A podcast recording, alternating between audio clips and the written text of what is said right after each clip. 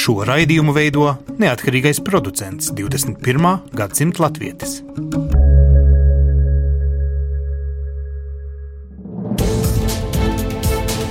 Septiņas dienas Eiropā piedāvā Eiropas radiotīkls Eironet.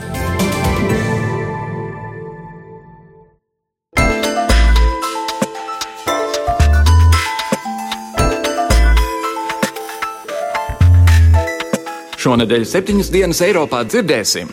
The revolution starts here. Nu, tad ir jābūt arī, protams, striktām robežām, ja starp mēs un viņu. Divas trešdaļas Latvijas iedzīvotāju nesastāv nekādos tīklojumos.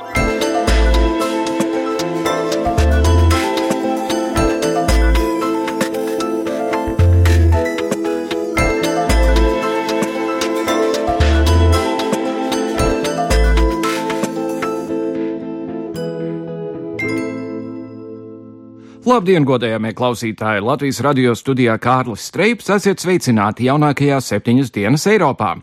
Rumānijas sociāldemokrātiskā valdība janvāra beigās uz ātru roku, apējot parlamentu un prezidentu, pieņēma ārkārtas dekrētu, ar ko iecerēja dekriminalizēt amatu noziegums līdz 200 tūkstošu leju, tie ir apmēram 45 tūkstoši eiro robežai. Valdība taisnojas, ka šis likums atbrīvotu pārslogotos Rumānijas cietumus, jo no tiem varētu izlaist vairākas par korupciju lielos apmēros notiesātas amatpersonas. Taču no kukuļņemšanas nogurdinātajā sabiedrībā tas izraisīja neviltotu niknumu un tauta devās ielās. Rumānija piedzīvoja plašākos masu protestus kro, kopš diktatora Čaučesku asiņainās gāšanas 1989. gadā.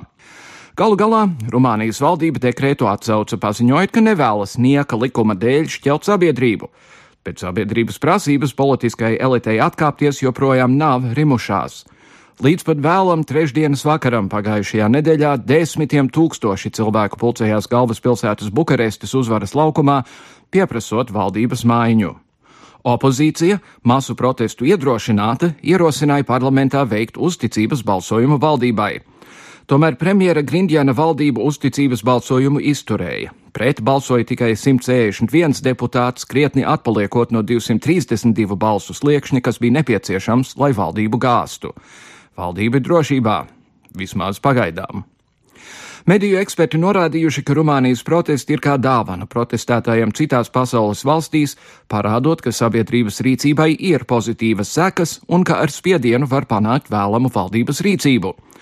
Tālāk šodien raidījumā pievērsīsimies protestiem, aktīvismam un tautas dusmām.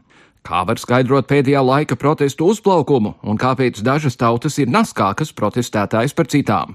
Noskaidrosim, vai protestu kustības un sociālo mediju aktīvisms ir rietumu liberālās sabiedrības pārmaiņu vēstnesis vai beigu sākums. Vispirms vairāk par to, kā un kurā brīdī tiek sasniegta kritiskā masa, lai sabiedrības aktīvi izrādītu neapmierinātību ar pastāvošo iekārtu, mana kolēģe Jāņa Kropa sižetā.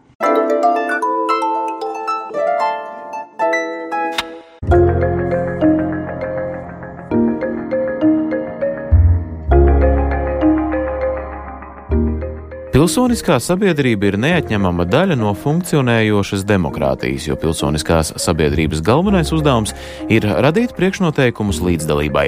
Allaž pierasts dzirdēt, ka kādā pasaules vietā notiek skaļi protesti pret kādu globālu vai tieši lokālu problēmu. Ierastā kliša ir domāt, ka galvenais iemesls ir cilvēku vēlme vienkārši izgāzt savas dusmas. Viens no skaļākajiem pēdējā laika protestiem Eiropā ir Rumānijas iedzīvotāju masveida pretestība valdībai, kur vēlējās aizsargāt smagos korupcijas noziegumos apsūdzētos. Tautas kustībai izdevās apturēt strīdīgos likuma grozījumus un gandrīz panākt valdības krišanu. Līdzīgi protesti notiek arī Polijā, kur valdošā partija likums un taisnīgums pamanās izraisīt sabiedrības dusmas, kas izgāžas protesta akcijās. Protams, liela daļa pēdējā laika protestu ir saistīta arī ar Donalda Trumpa ievēlēšanu. Ja sākotnēji šie protesti atgādināja mērķiecīgu pilsoniskās sabiedrības stāju, tad bieži vien jau pārauga arī komiskos notikumos. Piemēram, īrijā protestētāji pauda neizpratni par valsts augstākajām amatpersonām, kuras varētu doties uz Svētā Patrika dienas svinībām uz Vašingtonu. Principā īrijas politiķi to ir darījuši katru gadu. Vienīgā atšķirība šogad ASV prezidents ir Donalds Trumps. Viennozīmīgi spēcīgāko iespaidu par protestiem pēdējā laikā ASV ir atstājis tā sauktais sieviešu maršs, īpaši jau pēc tam, kad spēcīgas un sabiedrībā labi zināmas personas pauda savu viedokli un atbalstu šai cīņai. Viena no šādām personām bija Madonna. Are you ready to shake up the world? Savā uzrunā Madonna aicināja cilvēkus pievienoties jaunajai revolūcijai, tādai, kura nebūtu vardarbīga, bet gan balstīta mīlestībā. Viņas viedoklis ir, ka sabiedrība ir jutusies pārāk ērti un šī ērtība viņus ir iemidzinājusi. Tirānija Donalda Trumpa personā apdraud sieviešu lomu un tiesības ASV. Viņas uzrunā sieviešu marša laikā Madonna uzsvēra, ka labie spēki vēlēšanās neuzvarēja, bet tie uzvarēs beigās, ja vien cilvēkiem nebūs viena alga, ja nebūs bail un ja vien cilvēki ies kopā.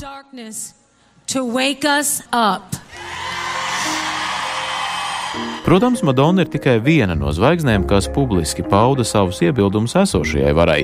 Piemēram, profesors Ivars Austers skaidro, kam cilvēka psiholoģijā ir jāmainās, lai būtu pamats runāt par masu kustību. Katram no mums ir liels identitāšu skaits. Nu, tiksim, ja mēs, kā mēs domājam par sevi, mēs varam domāt par sevi sākot kā par uh, vienu cilvēku, kurām neviens cits uz pasaules nav pietiekami līdzīgs, vai ne? Es esmu viens pats, vai ne?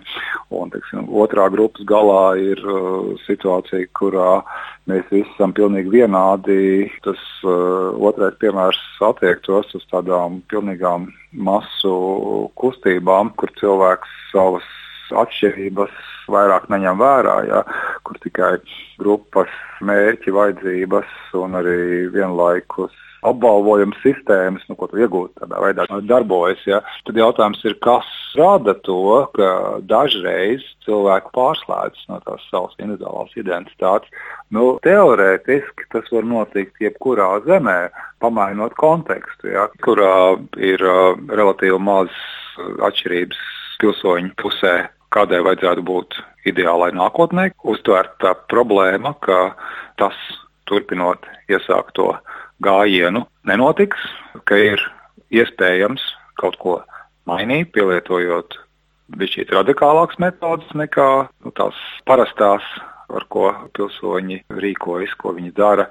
Jā, nu, tur, sākot ar vēstuli rakstīšanu, tikšanos ar politiķiem un beidzot ar vēlēšanām vai, vai darbību nevalstiskās organizācijās, ka ir vajadzīgs kaut kas asāks, kaut kas piparotāks, spēcīgāks.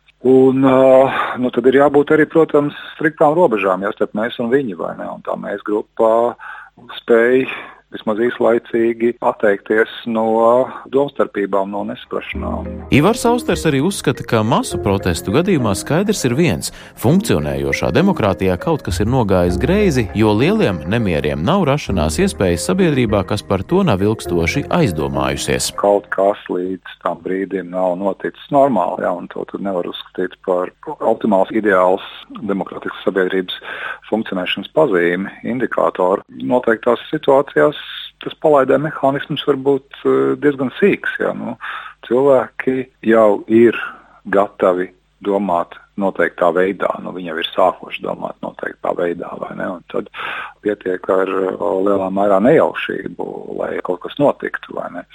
Nu, tas tā kā logs īšanas gadījums saimā, vai ne? Nu, visticamāk, lielākā daļa cilvēku negāja ar domu, ka sitīsim logus, bet nu, tā situācija izvērtās tā, ka uh, dažiem tas šķita ļoti labs risinājums, un uh, tas atbilda pārējo tā brīža identitātei, priekšstatam par to, kā mēs vislabāk varam atšķirties no tiem īstajiem un, un sautīgajiem politiķiem. Pētījuma centra SKDS vadītājs Arnis Kaktiņš atzīst, ka jau vēsturiski Latvijas iedzīvotājiem ir vērojama milzīga neapmierinātība ar valstī notiekošo, taču šī neapmierinātība nav novērojama piemēram uz ielas kādās protesta akcijās, kur nu vēl streikos.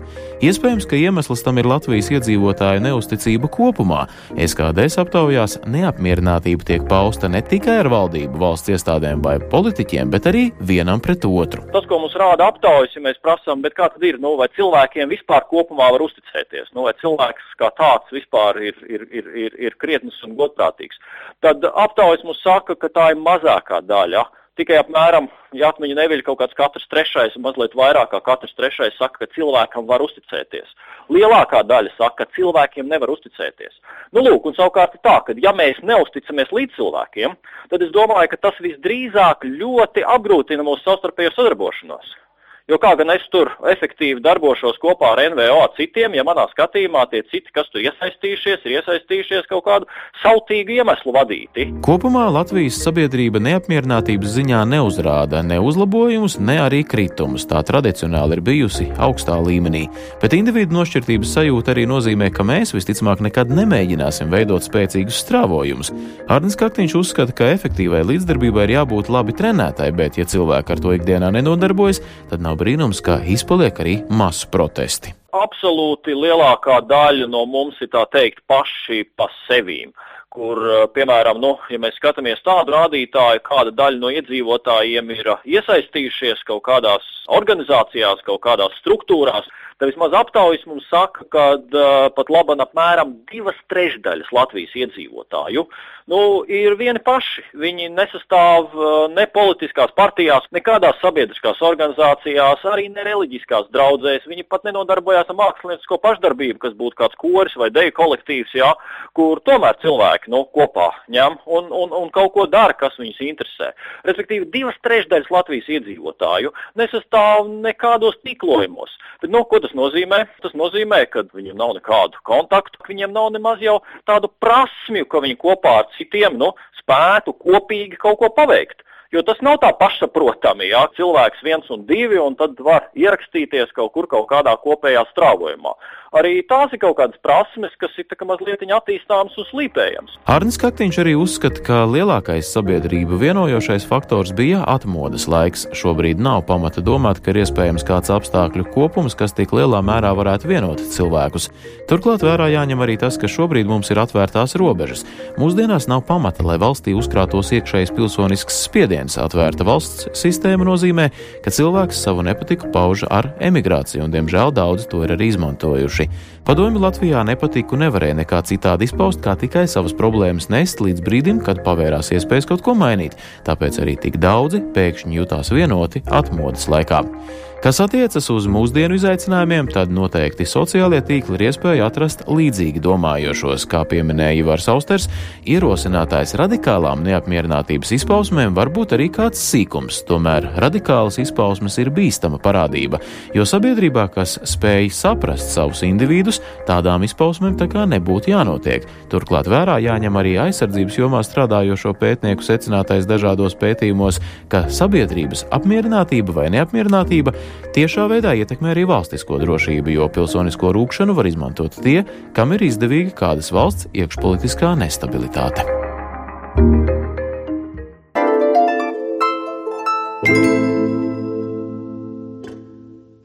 Es esmu pret kaut ko, tā tad es esmu. Tā varētu pārfrāzēt liberālās sabiedrības protestu kustību un aktīvistu jauno saukli. Vai mūsdienu rietumu pasaulē protesti pret pastāvošo iekārtu vēstu par jaunu, spožāka laikmeta ievadīšanu, vai drīzāk ir aizgājušās ēras beigu sākuma vēstošas spazmas? Vai protestētāju vēlmi iziet ielās pie mazākās neapmierinātības nav gadījumā populistu partiju uzplaukuma monētas otra puse? Par šādiem jautājumiem šodien spriedīsim ar Latvijas Universitātes sociālo zinātņu fakultātes dekānu dekānu, politikas zinātnes profesoru Juri Rozenvaldu. Labdien! Labdien! Un pa telefonu esam arī sazinājušies ar Vidzemes augstskolas pasniedzēju mediju un sociālo mediju ekspertu Jāni Buholcu. Labdien! Sveiki! Profesor, sāksim ar, ar jums. Tas nav tikai rietumu fenomens. Mēs protestus redzam arī daudz vietā Āzijā, piemēram. Mēs esam redzējuši protestus Brazīlijā, un reizēm tie ir efektīvāki, reizēm mazāk efektīvi. Kas tur ir galvenais, jūsuprāt? Nē, nu, es domāju, ka, ka protesti vienmēr bija pietiekami efektīvi. Tas, protams, ir jautājums arī par to, kādu attīstības pakāpi sasniedz sabiedrība, nu, attiecībiem no nu, demokrātijas viedokļā.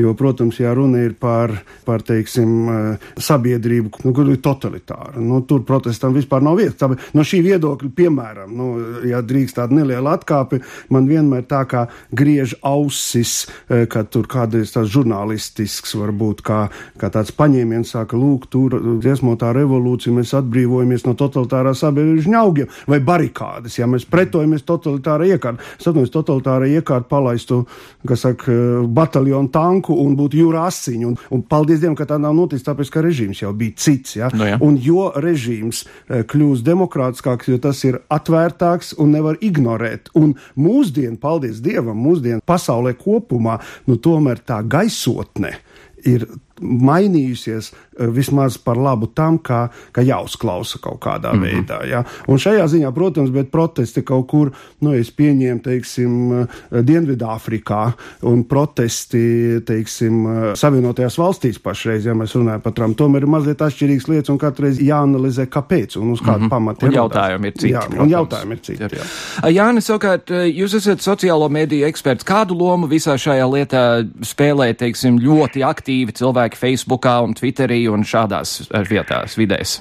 Um, tas nav ļoti viegli atbildams jautājums, jo mums bieži vien skatoties, kā tas, kā tas parādās publiskajā telpā, gribas domāt, ka tam visam ir tiešām briesmīgi liela loma. Piemēram, tad, kad arī mēdījos lasa par to, kas notiek tuvjos austrumos un arābu pavasaris un visas vis tam līdzīgās lietas, viņas nereti arī tiek nodēvētas par, par Facebook revolūcijām vai, vai, vai par Twitter revolūcijām un tam līdzīgi, bet man tas šķiet krietni pārspīlēts, tāpēc, ka šis šādā veidā viņas nodēvējot, mēs aizmirstam, kas ir tas spēks, kas ir uh, zem tā apakšā.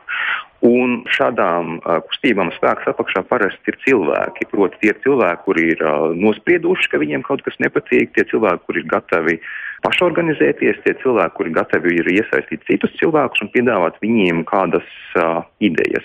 Protams, ka jebkurā situācijā, jebkurā laikā cilvēki izmantos pašus efektīvākos pieejamos komunikācijas līdzekļus. Mūsdienās tie, protams, ir sociāli mēdīķi, bet uh, sacīt, ka daudz no šīm šīm akcijām notiek tikai pateicoties tam, ka ir sociāla mēdīja un ka sociāla mēdījiem ir kaut kāds īpašais efekts. Un tam es tā kā īsti negribētu piekrist. Profesori, jūs piekrītat?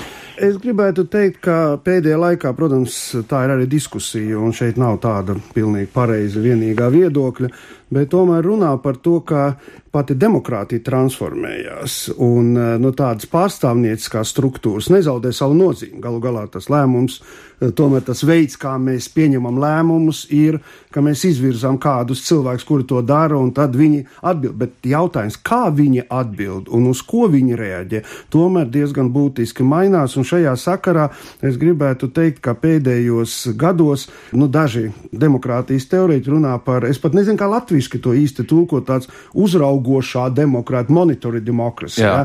respektīvi, ka šeit līdzās šiem tradicionāliem institūtiem, par kuriem arī var strīdēties, cik tur plusi, mīnus pārstāvniecības dažādām struktūrām un mehānismiem, un cik lielā mērā, piemēram, arī saistībā ar Brexit, mm -hmm. var uzprasīt, cik, cik, cik droši ir tas, kā, kā saka, tauta tiešā veidā izsaka savu viedokli, bet kā šeit liela loma ir tai videi, kas veidojās. Veidojas ne tikai, protams, no sociālajiem medijiem, bet arī no sociālajiem medijiem, tādā ziņā, ka tas veido zināmu sabiedrisko domu, ka šeit, protams, lomu spēlē arī dažādi tās, ko saka watchdog, jā, tie, tie sarksuņi, jā, kas, jā. kas pieskata to, cik liela, kā darbojās. Un šī reakcija ir tomēr būtisks elements mūsdienu demokrātijas funkcionēšanai. Nu, jā, Jānis, savukārt, šis ir process, kas arī iet otrā virzienā. Ja mēs domājam par amatpersonām, kuras arī ir sākušas izmantot sociālos tīklus, un etalons, protams, ir Donalds Trumps ar savu bezgalīgo tvitēšanu nakts vidū par visu ko pēc kārtas. Mūsu valstī, teiksim, valsts prezidents reizēm apsveiks kādu sporta komandu vai ārlietu ministrs nokomentēs kaut ko, kas notiek ārpolitikā,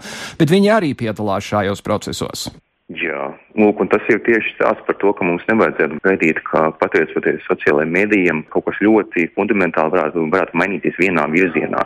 Proti, vismaz jau pirms dažiem gadiem ir samērā populārs uzskats, ka piemēram, ASV vajadzētu atbalstīt um, internetu pieejamību nedemokrātiskās valstīs, un tad, pateicoties tam, tad mēs varētu sagaidīt, ka tur notiek demokrātiskas revolūcijas un, un, un cilvēki atbrīvotos, viss vis tam līdzīgs tā, tā notiktu. Uh, tas, ko pašlaik var redzēt, ka nu, šie jau ir tikai rīki, kurus var izmantot visdažādākajos veidos, un tos var izmantot gan, lai uh, izplatītu uh, informāciju, kas ir patiesa, tos var izmantot, lai izplatītu informāciju, kas ir nepatiesa, un attiecīgi Protams, ka tajā brīdī, kurā šī piekļuve publiskajai telpai un iespēja, ka jūsu izteikums varētu, varētu sasniegt lielāku auditoriju, ir, ir, ir, ir pieejama krietni lielam cilvēku lokam, tad arī šie cilvēki to, to izmantos. Un kāpēc viņi to izmanto un kā viņi to izmanto, viņiem katram ir ļoti dažādi mērķi. Vienā gadījumā tas būtu tiešām ir stāsts par vēlmi tur, tur dažādas sociālās pārmaiņas veikt, citos gadījumos tas būs stāsts tikai par, par propagandu vai varbūt vienkārši par sabiedriskajām attiecībām. Jā, pēdējais jautājums, Jāni, un es saprotu, ka tu esi savā augstskolā un ir darbs darāms. Kā tu vērtē Latvijā šos procesus? Jo Latvijā nav redzami bijuši īpaši lieli protesti vai manifestācijas ne par ko. Jā, tas ir ļoti labs jautājums. Manuprāt, tas arī ļoti labi iedaras tieši tajā diskusijā par to, ka mēs runājam par sociālo mediju lomu. Proti, ja mēs teiksim, paskatāmies uz samērā neseno vēsturi Latvijas ekonomisko krīzi, un mēs paskatāmies, ka piemēram, šajā pašā laikā Eiropā bija ļoti daudz dažādu protestu, Latvijā īstenībā cilvēki īpaši neprotestēja. Un tas notika par spīti tam, ka tomēr pietiekami daudziem cilvēkiem bija pieejams internets un bija pieejami dažādi šie sociālie mediji kas, manuprāt, nu, uzsver lieku reizi to, ka stāsts jau ir netik daudz par dažādu komunikāciju tehnoloģiju pieejamību, bet gluži vienkārši par krietni tādiem nopietnākiem sociālajiem procesiem, par sabiedrības raksturojumiem. Šajā gadījumā tas būtu stāsts vispār par cilvēku spēju līdzdarboties, bet cilvēku spēju pašorganizēties. Un, jā, man šķiet, ka Latvijā šī spēja īsti nav tāda ļoti, ļoti liela, un attiecīgi mēs, mēs to neredzam. Neskatoties uz to, ka cilvēkiem ir Twitteris, cilvēkiem ir Facebook, un cilvēkiem patīk par visu kaut ko tur uh, izteikties, bet tāda, tāda efekta. Uh, Es neteiktu, ka tas efekts tiešām ir ļoti liels. Protams, ka mums ir situācijas, kurās eh, šo pašu Facebook vai Twitter var izmantot, lai informētu cilvēkus par, par dažādām akcijām. Kā te vasarā bija tas uh, tikets pie saimas uh, saistībā ar Bolšu nu, ziedošanas aizliekšanu. Es pieļauju, ka diezgan daudz cilvēku, kuri tur ieradās, viņi tur ieradās, tāpēc, ka viņi par to bija izlasījuši Facebookā. Bet, ja mēs skatāmies tiešām tādus plašākus procesus un tādu plašāku cilvēku spēju pašorganizēties, nu, tad uh, droši vien tur jārunā par, par daudziem citiem iemesliem, kāpēc tas ir tā kā ir, un, un nevis vienkārši koncentrēties tikai uz sociālo mediju pieejamību un sociālo mediju lietojumu. Labi, Jānis Buhalts, liels paldies, eh, veiksmi darbā. Paldies. Vai jums ir savs skaidrojums par to, kāpēc tas tā ir? Jo mums leģendārākās, protams, bija manifestācijas atmodas laikā, kad Krasmalā pulcējās simtiem tūkstoši cilvēku, bet laikā kopš tam laikam vienīgā tiešām ievērība guvušā bija tas pensionāru pikets, kur policija izgaiņāja un Krievijai iedeva pirmo Jā. propagandas ieroci. Jā, un tad sākās eh, krīze attiecībās ar Krieviju kur eh, Eiropas Savienība mūsu sabiedrotie vispār ļoti centīgi mūs eh, atbalstīja, bet tai pašā laikā, kā, kas ar Katonu senajā Romā, katru savu runu ar mūsu līderiem, jā, beidz ar vārdiem, nu dariet kaut ko ar integrāciju. Un tad pēc tam, kā jūs atceraties, bija izmaiņas pilsonības likumā, jā, pieņem jaunu pilsonības likumu, un arī kaut kas sākās ar integrāciju. Ilgu laiku tā attieksme bija tāda, nu, gan jau viņa aizbrauks un viss atrisināsies pats mm -hmm. no sevis. Jā. Es domāju, ka šeit ļoti liela loma ir. Pirmkārt, es gribētu varbūt papildināt, Lūdzu. turpināt to, ko, ko teica Buholca kungs. Es arī piekrītu, ka paši par sevi sociālie tīkli un vispār internets nav ne labi, ne slikti. Tur var, var izplatīt eh, tādas eh, cilvēka ēdā idejas, ja, un var izplatīt ļoti gaišas eh, idejas. Jautājums faktiski svarīgākais ir par to, kā politiskā elite un politiskās elites pārstāvja vai cilvēki, kas ieiet politiskā elite. Jo Trumps ir tāds outsiders, kas ienāk pašreiz, ienāca politiskajā uh -huh. elitē. Ja? Kādā veidā viņi komunicē ar sabiedrību. Un tas ir ļoti būtiski. Twitterā var teikt šī milzīga loma saistībā ar, ar Trumpu. Jā, tā ka viņš tiešām tvīto nepārtraukti. Turklāt nu, var rasties diezgan lielas šaubas par to, ka principā teiksim, tā komunikācija Twitterā ir kaut kas tāds, kas vedina uz ļoti dziļu var teikt, ieskatīšanos procesos. Ja? Tā mhm. drīzāk ir tāda čivināšana, īsa čivināšana. Ja? Un šajā ziņā varbūt tas atspoguļo to, ka Trumps pārstāv to jauno tendenci, kas ir uh, raksturīga varbūt pat šajā gadījumā Eiropai vispirms, Rietuma Eiropai, ja? un daļai arī Austrum Eiropai ar savām specifiskām iezīmēm, un tikai pēc tam Savienotām valstīm. Ja? Mm -hmm. Tas ir tie, ko sauc Eiropa par jauniem, var teikt, tiem, tiem kas agrāk bijuši galīgi outsideri, ja? Dienvidē Eiropā tie vairāk tie jaunie kreisie, kaut arī šīs vārds ir aizņemts ar jā. tiem kreisiem, kas bija 60. gados, jā, bet eh, jaunie labējie.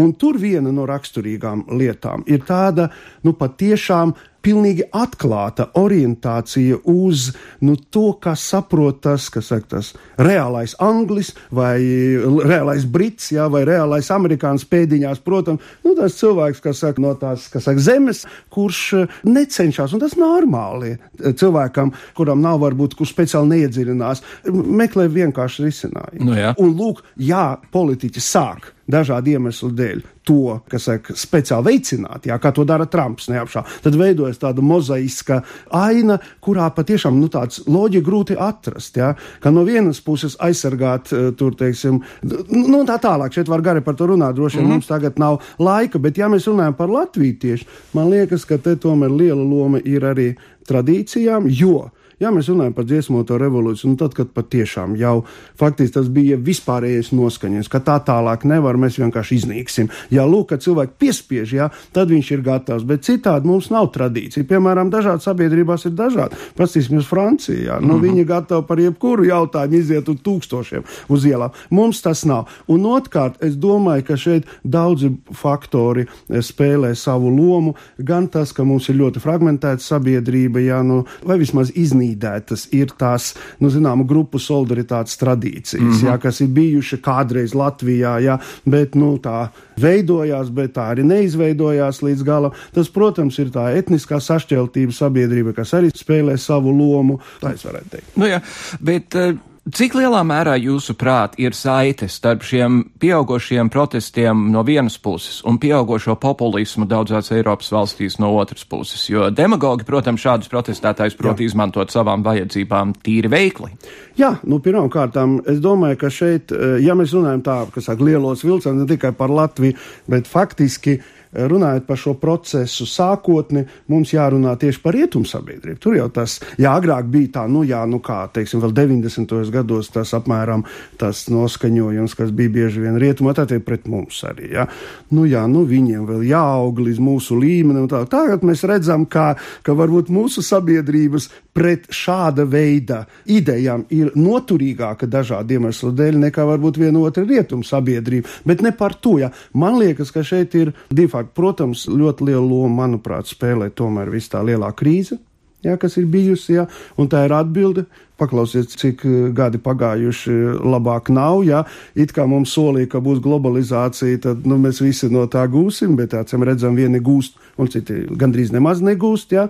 Eh, tas ir viens, un otrkārt, ja mēs runājam, nu šeit jāatcerās, Es domāju, tas ir arī mūsu klausītājiem, varētu būt daudziem pazīstams tāds vārds kā Francis Fukujama, kurš 89. gadā teica, visi, ja, kas saka, komunismu esam sagrāvuši, ja nu tagad viss būs dominēs liberālās vērtības. Izrādās, ka nē. Izrādās, mm -hmm. liberālām vērtībām ir pietiekami daudz oponentu arī pašā rietumu sabiedrībā. No, nu ja? Un, kas, manuprāt, ir svarīgi, un, manuprāt, svarīgi šeit ir arī kļūdas, ko pieļāva politiskā elite. Ja? Un, piemēram, es divas tikai minēšu. Mhm. Viens ir, protams, attiecībā uz to, nu, teiksim, tā, tās multikulturālismu idejas izpildījums, kas dominē ilgu laiku rietumu sabiedrībā. Kas, principā, ja mēs runājam par tādu klasisku Kanādas multikulturālismu, uh -huh. izprat, tas pareizi no vienas puses, jā, daudz kultūras, bet komunikācijas starp kultūrām uzsvars. Rietumos, atvainojiet, faktiski tā politika aizgāja uz to, ka veidojās tie geto, jā, kur tie cilvēki bija pilnīgi nošķirti no pārējās. Un otrais, protams, tās kļūdas, ko mēs pavisam nesen esam pieredzējuši. Jā. Ziniet, tāda, es gribēju teikt, tāda vieglprātība, kas bija raksturīga Eiropas līderiem attiecībā uz šo cilvēku plūsmu uz Eiropu. Jā. Nu, tur acīm redzot kļūda pēc kļūdas. Jā. Mhm. Un acīm redzot, tas arī raisa sabiedrībā šo mozaisko protestu, jā, kuru mēs varētu teikt, kuru apvieno faktiski viena. Tas ir tā norobežošanās no svešajiem un cenšanās saglabāt. Mēs vismaz mēs uz savējiem, un šo savējos mēs gatavi aizsargāt, bet tos, tos citus tad nē. Ja? Un es domāju, ka faktiski tur ir tie galvenie cēloņi. Nu, un, Nu, gribās cerēt, ka Eiropa mostās. Eiropai grūti, bet tā mostās no šī zināmā mērā tāda, tāda vieglprātīga, tāda snauduļošanas, kas, kas bija tieši attiecībā uz šīm fundamentālām vērtībām, nu, kas ir teiksim, likuma vara, kas ir teiksim, indivīda uh, vērtība un tā tālāk, kas ir it kā liekas paši par sevi saprot. Nu, pēc 89. gada komunismu nav, viss ir, viss ir kas saka, okidoki, jā, nu tad mm. ejam, ejam uz priekšu. Un šeit, starp citu, gribētos pieminēt, ka diezgan būtiska loma ir tam, ko sauc par sistēmu ja tā ir izveidota un ja tā ir balstīta uz šiem, saka, principiem, ko mēs redzam no vienas puses, ja paskatāmies uz Eiropu, Paskatieties tagad vairākās Eiropas valstīs, nu tie, kas ir nākuši uz tāda populisma viļņa, kaut arī es gribētu speciāli teikt, kustība pati par sevi, tā tautas kustība, mm -hmm. nav populisms. Populists ir tad, kad politiķis to izmanto un spekulē. Tur ir tā būtiskā atšķirība, ja piedāvājat vienkāršas atbildes, kas daudziem cilvēkiem patīk. Šeit ir starp citu elites atbildība. Bet, ja mēs paskatāmies, atgriežoties pie tās sistēmas, paskatāmies to, kas notiek Rietumē Eiropā, ja? daudzās valstīs labējie, kur sākumā likās ārprāts, ārprāts, kur viņi tādi vispār uzradās. Ja? Tagad, ziniet, gūst panākumus vēlēšanās, ienāk valdībās un satīt valdībā dēļ savu mozaiskumu. Viņi ir ļoti izdevīgi. Viņi ar visiem ir gatavi brāļot. Kreisajiem, labējiem, ar visiem. Ja? Bet reizē, paskatieties, Somijas ārlietu ministrs ir īsto somu pārstāvs. Vai jūs kaut ko dzirdējāt, ka tur kaut kas, teiksim, kaut kas absolūti šokējošs? Mm -hmm. ja? Mhm. Nenotiek. Tas pats, ko mēs redzam, nu, jūs Ameriku zinat labāk par mani noteikti, ja? bet tas, kas notiek ar Trumpu, ja? Jā, lūk, kas saka, gribēt jau var, sasolīt jau var, bet tad, kad tu mēģini, tad tu sajūti pretestību. Kā tas beigsies, grūti pateikt. Protams. Un tā ir vēl viena tēma. Mēs varētu runāt līdz aiznākamajai pastardienai, bet, diemžēl, raidījuma laiks ir beidzies. Profesors Juris eh, Rozenvalds no Latvijas Universitātes. Paldies par sarunu!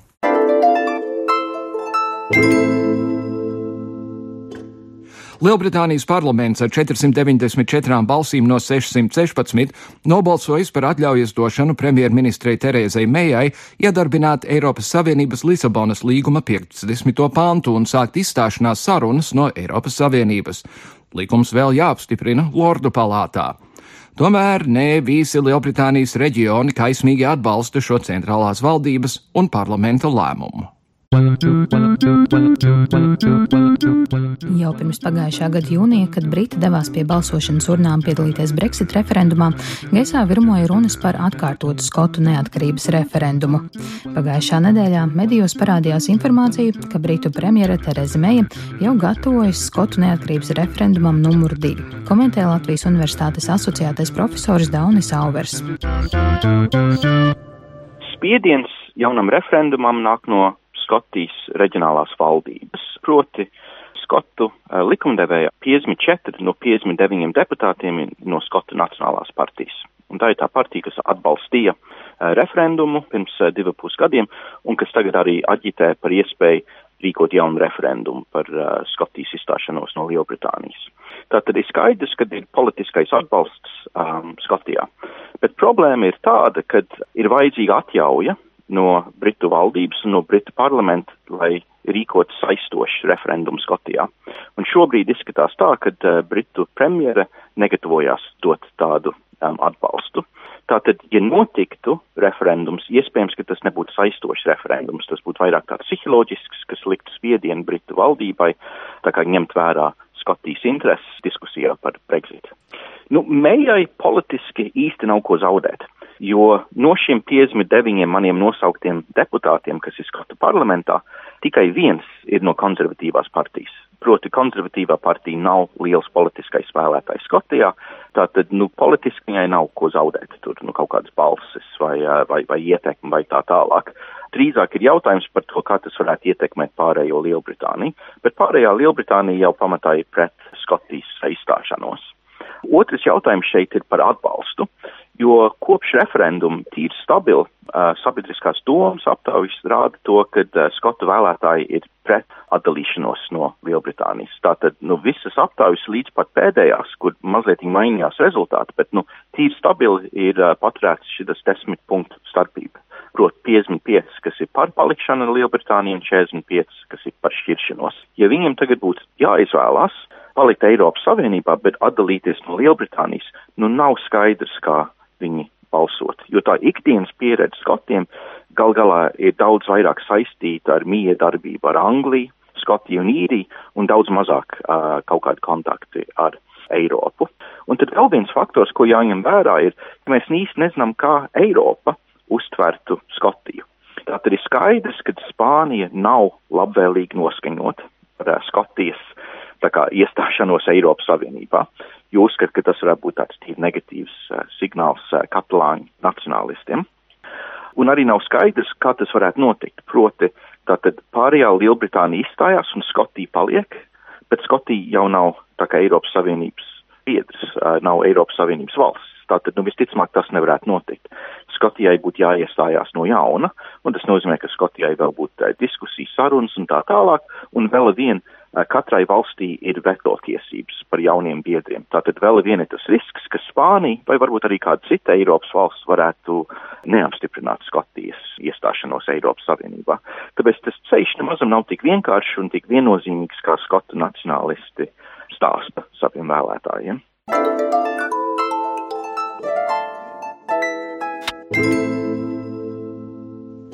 Ar to arī skan šīs nedēļas septiņas dienas Eiropā. Nu, dien, interesanti, kāpēc latvieši attiecībā uz protestēšanu ir tik slinki. Galu galā mums ir daudz, daudz, daudz, par ko mēs varētu protestēt. Līdz nākamajai nedēļai visu labu!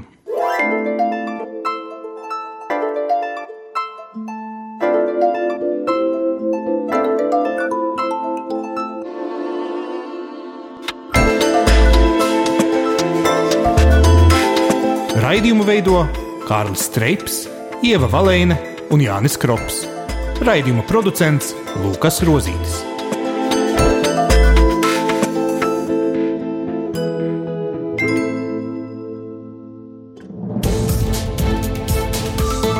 Visus Eironet plus sižetus un raidījumus meklējiet Latvijas radio mājaslapā.